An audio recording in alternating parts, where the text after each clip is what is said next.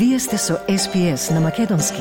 Слушнете повеќе прилози на sps.com.au козацрта на Седонин.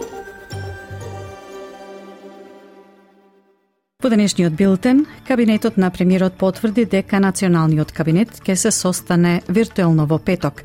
Австралиската влада инвестира над 300 милиони долари во образованието на децата од првите нации.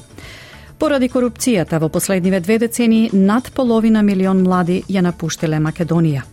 И во спортот, голманот Доминик Ливаковиќ, херој кој одбрани три од четирите пенали и најзаслужен што Хрватска по трет пат се пласира во четврт финалето на Мондијалот. На Македонски следуваат вестите за 6 декември. Јас сум Радица Бојковска Димитровска, останете со нас. Канцеларијата на премиерот Албанезе потврди дека националниот кабинет ќе се состане виртуелно во петок. Господин Албанезе вчера имал позитивен тест на COVID-19, што ги одложи плановите лидерите на државите и териториите да се сретнат утре, среда, и да разговараат за решенија за справување со високите цени на енергијата. Ова доаѓа откако првичната одлука на премиерот да го одложи состанокот беше критикувана од сојузната опозиција. Сузан Лей, вршител на должноста лидер на опозицијата, рече дека националниот кабинет се состанува речиси исклучиво преку телеприсуство уште од 2020 година и дека нема причина состанокот да не се одржи. Кризата со цените на енергијата ќе биде клучен фокус на националниот кабинет на виртуелниот состанок во петок.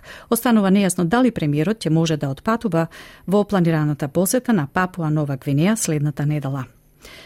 Резервната банка на Австралија се очекува да воведе уште едно зголемување на каматните стапки денеска, но не е исклучена пауза.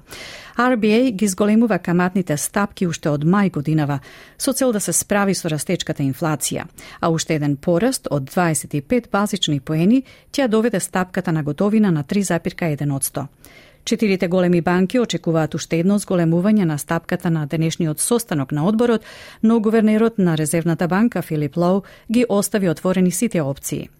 Високи представници на Резервната банка укажаа на тоа колку долго е потребно зголемување на каматните стапки за да влијае врз економијата. Според економистот од Сен Джордж Беса Деда, раните знаци за забавување на потрошувачката и намалување на инфлацијата може да сигнализираат пауза во зголемувањето на каматните стапки. Ако банката испорача уште еден пораст од 25 базични поени, луѓето кои имаат кредити со променлива стапка ќе добијат уште едно зголемување на нивните месечни отплати. Австралиската влада инвестира 334 милиони долари во еднината на децата од првите народи. Министерката за домородни австралици Линда Берни ќе го објави финансирањето на состанокот на министрите за домородни прашања на државите и териториите во Хобарт попладнево. Инвестицијата ќе бара да испорача бројни образовни активности за 100.000 деца и студенти. Министерката Линда Берни рече дека оваа инвестиција е од клучно значење за да се обезбеди силна основа во образованието за децата од првите нации. Жените мигранти Мигрантки и бегалки се спречени да го остварат својот економски потенцијал во Австралија, покажа ново истражување. Извештајот насловен Неискористен потенцијал, спроведен од Универзитетот во Камбера, покажа дека жените мигрантки и бегалки ги имаат квалификациите, вештините и мотивацијата што им треба на австралиските работодавачи за да го ублажат недостигот на клучни вештини. Но во моментов тие се главно неискористена квалификувана работна сила – Истражувањето покажува дека жените мигрантки од земјите со низок и среден приход и жените бегалки имаат слично ниво на образование со жените родени во Австралија, но сепак имаат поголема веројатност да бидат вработени во улоги што се под нивното образование и искуство. Раководителот за истражување и политика во Settlement Services International, Так Мекмахун, вели дека надминувањето на овие бариери ќе ја подобри родовата еднаквост и ќе донесе придобивки за пошироката економија. In a labour market environment that we currently are in, where there are skill shortages and labour shortages in just virtually every industry across the board, um, strikingly, for example, 95% of refugee women wanted to work more hours that's not the narrative that we often hear around refugees or around refugee women. Како што стапува на сила ограничувањето на цената на руската нафта, Европската Унија планира да обезбеди Русија да не профитира од зголемувањето на цената на нафтата. Во најсилните напори досега во врска со клучниот извор на приходи за Русија, членките на Европската Унија и групата 7 воведоа ограничување на цената од 88 долари или 60 американски долари за барел на рускиот извоз во други земји. Во обраќањето до групата во Брисел, главниот портпарол на Европската комисија Ерик Мамер рече дека ограничувањето на цената е целосно оправдано поради активностите на Русија. show the strong will of the European Union to ensure that we can do everything um, to, um, to hamper uh, the financing of Russia's war machine, while at the same time, and this is extremely important, um, allowing um, third countries, our partners, um, to have access to um, oil supplies at uh, reasonable uh, at reasonable prices. Руските власти го критикуваа ограничувањето на цената и се заканија дека ќе престанат да ги снабдуваат со нафта државите што го поддржаа ограничувањето на цената. Корупцијата е главна причина за иселување на невработените млади луѓе од Македонија. Статистиката покажува дека во последниве две децении над половина милион млади ја напуштиле државата, а 90% од младите во земјата се изјасниле дека сакаат да ја напуштат. Затоа е необходно да се работи на подобрување на квалитетот на животот и создавање услови за вработување на младите, рече на конференција за печатот Бојан Кордалов од Институтот за добро управување и евроатлански перспективи. Според Билјана Стојческа од Младинскиот сојуз, еден од факторите што потикнува иселување на младите луѓе е корупцијата во земјата.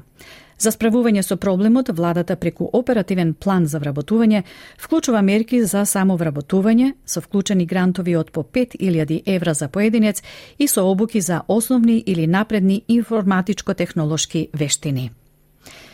Бројот на жртвите поради лизгање на земјиштето во северозападниот дел на Колумбија, што затрупа автобус и натаму расте. Колумбиските власти соопштија дека загинале 33 лица, меѓу кои три деца, додека продолжуваат операциите за пребарување и спасување. Свлечиштето од кал, предизвикано од обилните дождови, го затрупа автобусот вчера меѓу селата Пуебло Рико и Санта Сесилија во провинцијата Рисаралда, на околу 230 километри од главниот град Богота.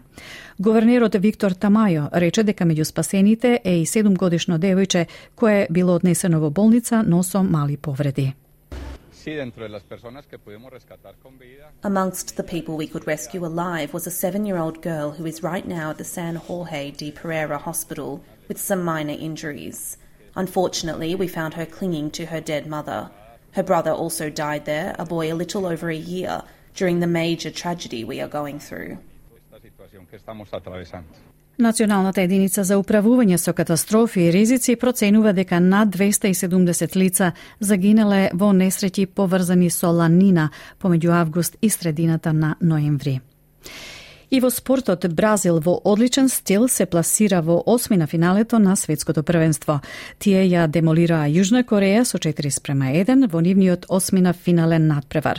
Сите четири голови на Бразил беа постигнати во воведните 36 минути и ефективно го обезбедија резултатот до полувремето.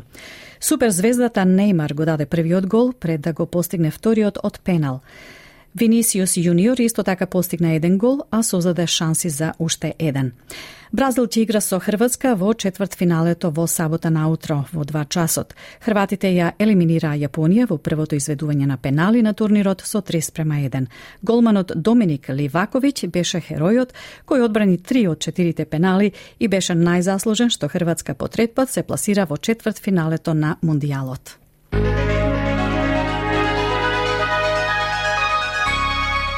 Од најновата курсна листа денеска еден австралијски долар се менува за 0,64 евра, за 0,67 американски долари и за 39,71 македонски денар, додека еден американски долар се менува за 58,45 македонски денари, а едно евро за 61,61 македонски денар.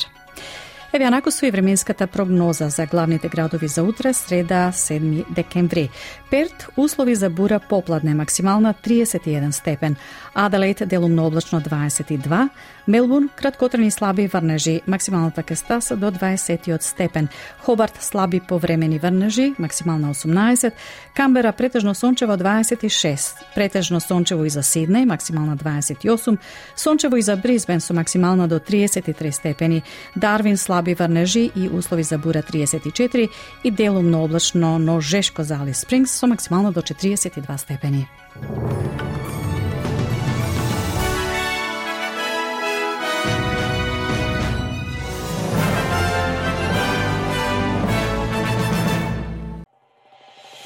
Сакате ли да чуете повеќе прилози како овој?